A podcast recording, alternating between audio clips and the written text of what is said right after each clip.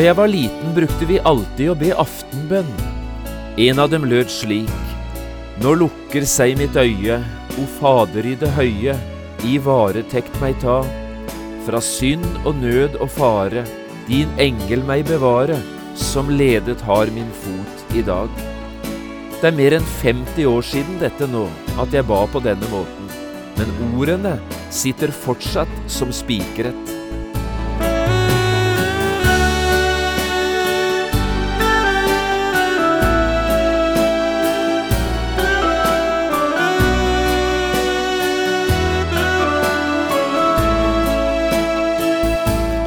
Hjertelig velkommen til et nytt program i serien Vindu mot livet. Programmet er produsert av Kristen Riksradio og blir ledet av Jon Hardang. Kristen Riksradio drives av frivillige gaver. Vi er glade for din støtte.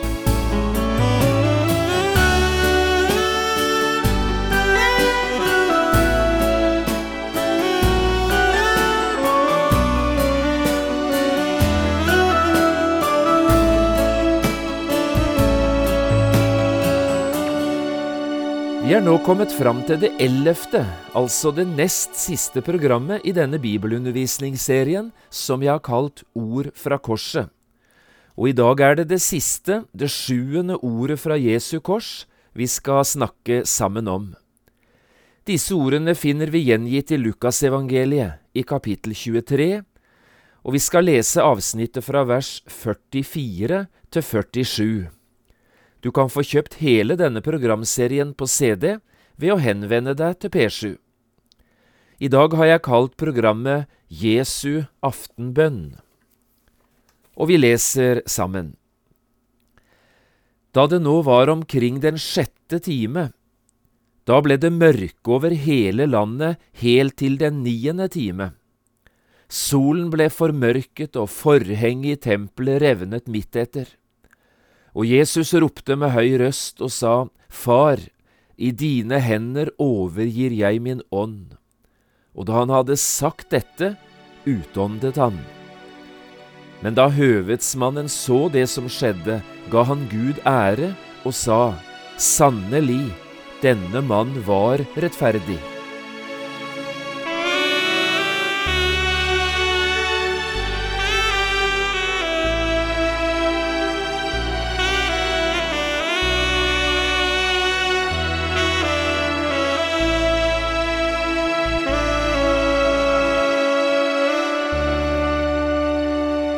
Det er fremdeles ganske vanlig i Norge at foreldrene lærer sine barn å be, i alle fall en del fastebønner som brukes ved bestemte anledninger.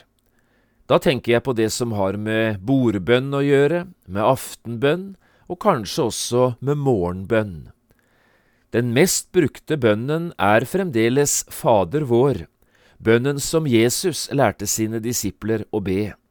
Det er nok bruksbønn nummer én også i Norge i dag. Ellers varierer det ganske mye, tror jeg, både når det gjelder bordbønner, morgenbønner og aftenbønner. Da jeg selv var liten, brukte vi flere aftenbønner.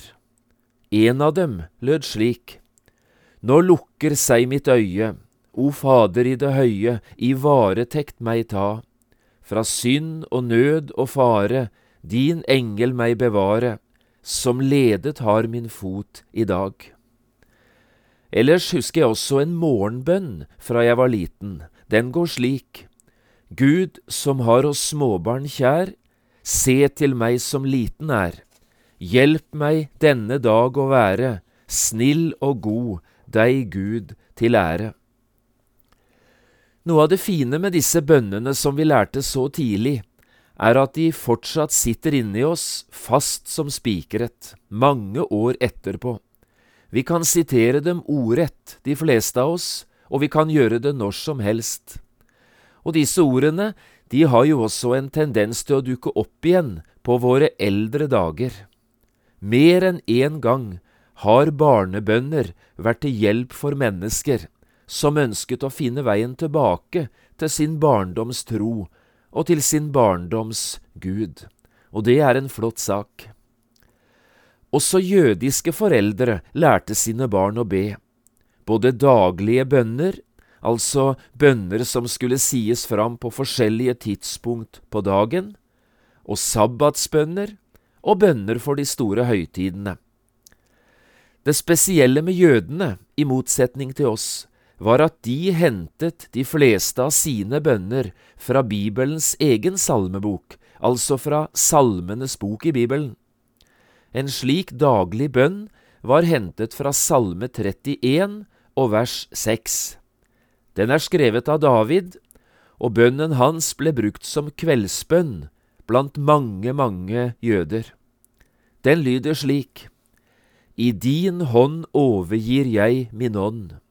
Du forløser meg, Herre, du trofaste Gud.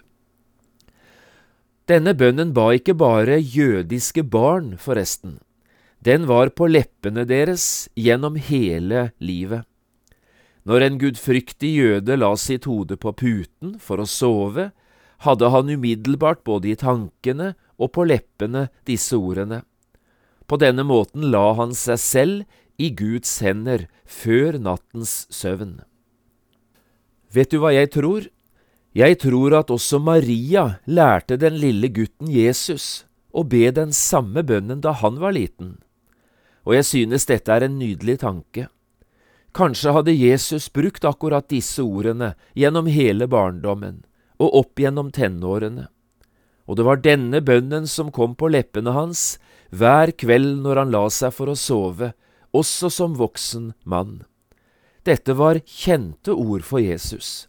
I din hånd overgir jeg min ånd. Du forløser meg, Herre, du trofaste Gud. Og så skjer det altså, helt på slutten av Jesu liv. De samme ordene kommer enda en gang over leppene hans, disse gamle og kjente salmeordene.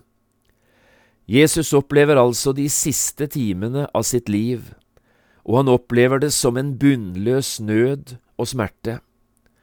Men nå er kampen snart slutt. Han er kommet til veis ende. Alt er fullbrakt. Han har fullført den tjenesten han hadde fått av sin far. Lidelsens beger er tømt til siste dråpe.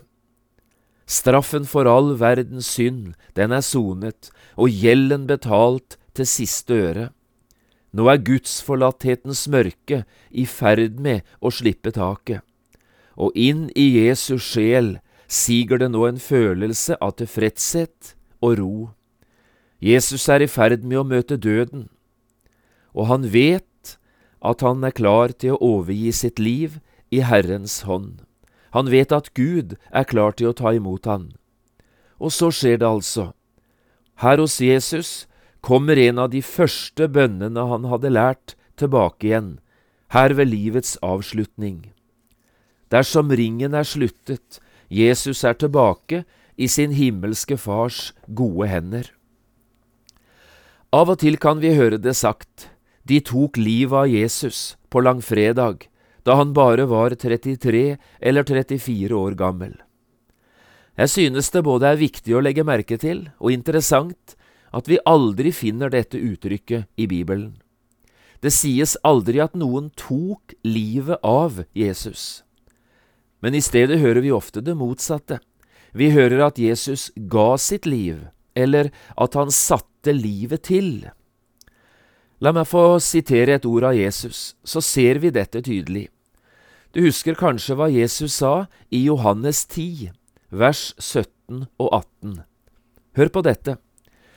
Derfor elsker Faderen meg, fordi jeg setter mitt liv til for at jeg skal ta det igjen. Ingen tar det fra meg, men jeg setter det til av meg selv. Jeg har makt til å sette det til, og jeg har makt til å ta det igjen. Dette bud fikk jeg av min far. Klarere kan det vel ikke sies. Jesus ble altså ikke myrdet. Han døde ikke av utmattelse eller i strid med sin egen vilje.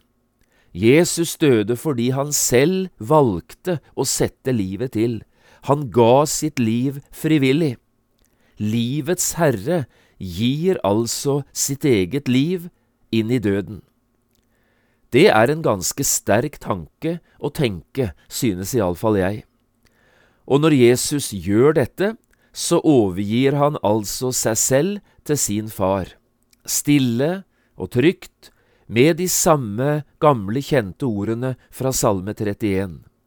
Her trekker Jesus sitt siste sukk, og så kommer døden, som en invitert gjest.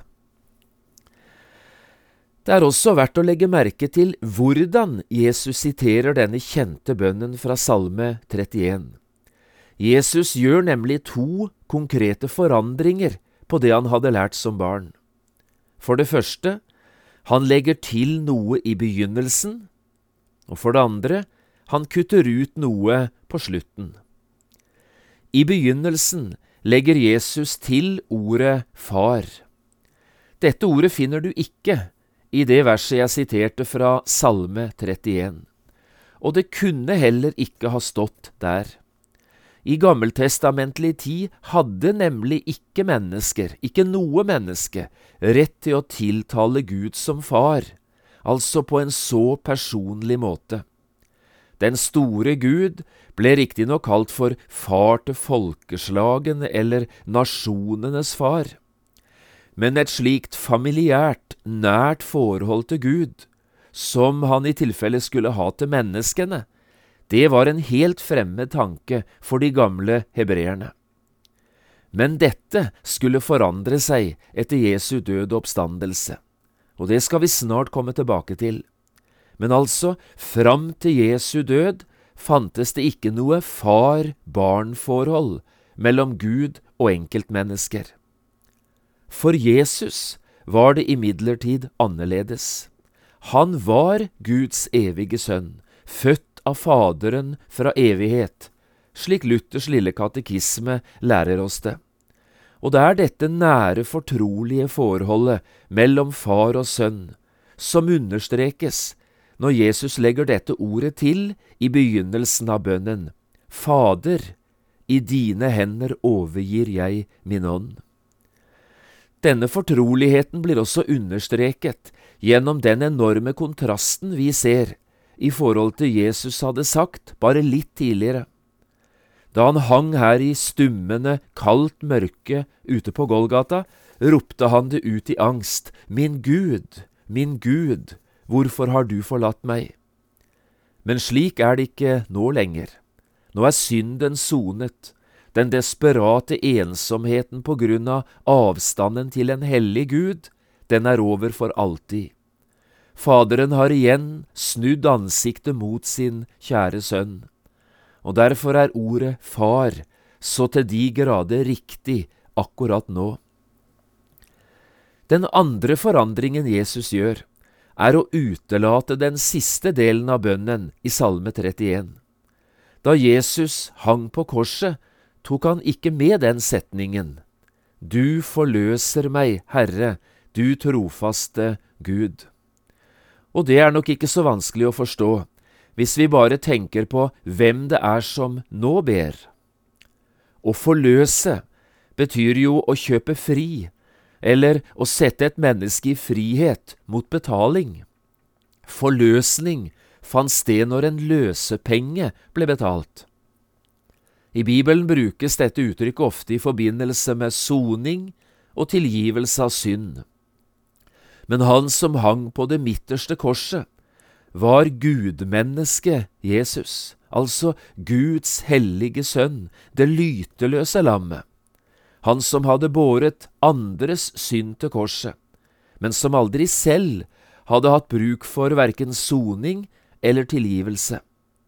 Jesus er det eneste syndfrie mennesket i verden, og han trengte ikke å be Gud om forløsning.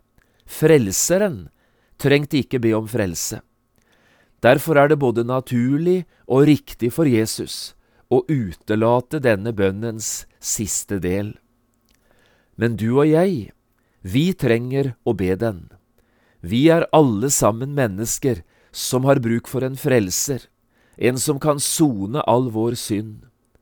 Vi er mennesker som hver eneste dag trenger syndernes forlatelse og renselse fra all synd. Jo, vi har litt å takke for. Frelseren er kommet, og vi har sannelig også noe å be om. Herre, la oss få leve i denne din tilgivelse hver eneste dag. Jeg vet ikke om du husker en annen person i Bibelen som brukte disse ordene i møte med en vond og smertefull død. Prøv å tenke deg litt om. Husker du Stefanus? Hvis du ikke gjør det, så slår vi opp i apostelgjerningene sju, og la meg få lese for deg de siste versene i det kapitlet. Der står det slik. De drev Stefanus ut av byen og steinet ham. Vitnene la klærne av seg ved føttene til en ung mann som heter Saulus, og de steinet Stefanus mens han ba og sa, Herre Jesus, ta imot min ånd. Så falt han på kne og ropte med høy røst, Herre, tilregn dem ikke denne synd. Og da han hadde sagt dette, sovnet han inn. Dette er avslutningen på en uhyre sterk fortelling om Stefanus, en av de sju diakonene i Jerusalem, den første kristne lederen som skulle bli martyr etter pinsedag. Stefanus hadde talt til folkets ledere, både sterkt og utfordrende. Det er ganske spesielt å lese hva han hadde sagt til dem. Bare se etter i apostelgjerningene sju. Hans tale, den er ganske dramatisk. Og så blir altså Stefanus steinet, som svar på sin utfordrende vekkelsespreken. Og ironisk nok, en av dem som sto der og hørte, og som var hjertens enig i steiningen, var en ung mann som hette Saulus. Dette var jo mannen som senere skulle bli hedningenes apostel. Paulus, også han var en mann som en dag skulle lide døden for Jesu navns skyld. I et av sine brev skriver Paulus så fint om det som skjer når en kristen dør. Derfor er vi alltid frimodige, sier han, selv om vi vet at så lenge vi er hjemme i legemet, er vi borte fra Herren. For vi vandrer i tro og ikke i beskuelse. Vi er altså frimodige, og vil heller være borte fra legemet og hjemme hos Herren. Slik står det i andre Korinterbrev 5, 6-8. Når en kristen dør, går han altså direkte og bevisst hjem til Jesus. Det må du ta til hjertet, du som hører dette, og som lever med dette spørsmålet, når en av mine går bort som tror på Jesus, hvor går han hen da? Jo, han går hjem til Jesus. Og kanskje hadde Paulus Stefanus i tankene, ikke vet jeg, når han skrev de ordene vi her siterte. Ellers er det også mange eksempler i kirkehistorien på gudfryktige mennesker som brukte akkurat disse Jesus' siste ord på korset i livets siste øyeblikk. Jeg har lyst til å gi deg et par-tre eksempler. Den franske keiseren Karl den store døde 28. januar i året 814. Da han døde, etter et langt og eventyrlig liv, tegnet han korsets tegn og ba sakte, Herre, jeg overgir min ånd i dine hender. Og med det sovnet han inn. Ridderen Hieronymus, en nær venn av martyren Johan Hus, ble brent på bålet 30. mai i 1416. Bøddelen ville tenne på bålet bak ham, men Hieronymus sa, Kom hit og tenn ilden foran øynene mine. Og da flammene skjøt opp, ba han, Herre, i dine hender anbefaler jeg min ånd. Og lady Jane Grey, som mot sin vilje ble Englands dronning, hun ble bare ti dager etter kroningen halshugget. Hun var 17 år gammel og hadde først måttet se på at hennes mann var henrettet. Så la de hennes hode på skafottet, og for siste gang vitnet hun om sin kristne tro da hun sa, Herre, i dine hender overgir jeg min ånd. Og slik kunne vi sikkert ha fortsatt. Jesus' siste ord på korset er blitt det siste ordet for mange av dem som seinere fulgte Jesus helt inn i døden. Tilbake til vers 46. Her står det altså slik. Jesus ropte med høy røst og sa, Far, i dine hender overgir jeg min ånd. Far, roper Jesus. Han har altså kommet til de siste sekundene i livet sitt, og her sier han i utslitt, tilfreds fortrolighet, Far. Med dette er Jesus tilbake i den fortrolige nærheten til sin egen far, som han hadde hatt det meste av lidelsesveien. La oss gjøre et lite tilbakeblikk på noe av det vi har talt om.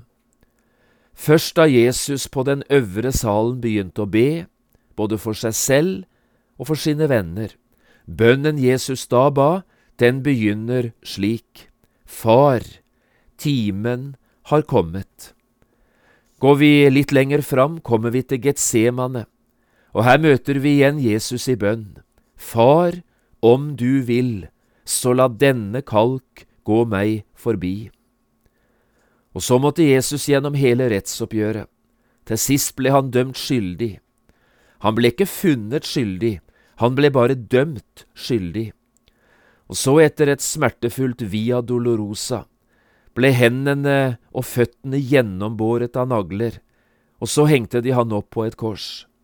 Og så nå ba Jesus, Far, forlat dem, for de vet ikke hva de gjør.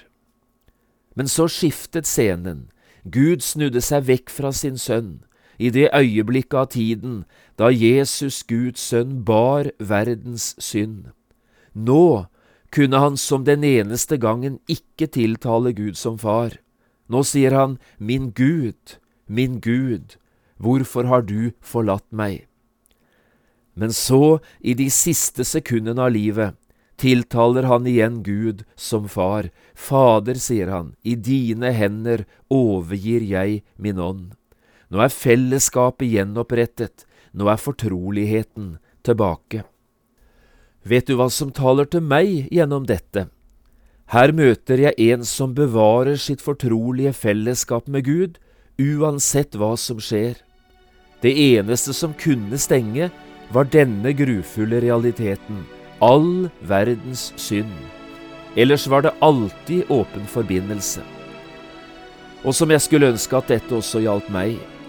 Men i mitt liv skal det neimen ikke store forstyrrelsene til før misnøye og tvil tar overhånd, og så er jeg langt ute i skogen, borte fra Guds fortrolige samfunn. Men Gud forandrer seg ikke. Det er ikke Han som svikter, det er meg som svikter. Men er vi troløste, er Han trofast, vår gode Far.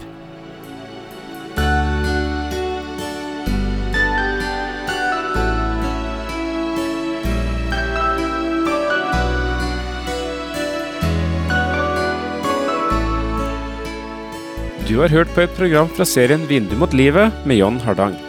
Programmer i denne serien kan også kjøpes på CD fra P7 Kristen Riksradio, eller høres på internett på p7.no. Har du spørsmål eller kommentarer til det du nå har hørt, kan du ta kontakt med oss på telefon. Da bruker du telefonnummer 56 32 17 01. Du kan også sende oss en e-post. Adressen er vml.krøllalfa.p7.no. Takk for i dag, og på gjenhør.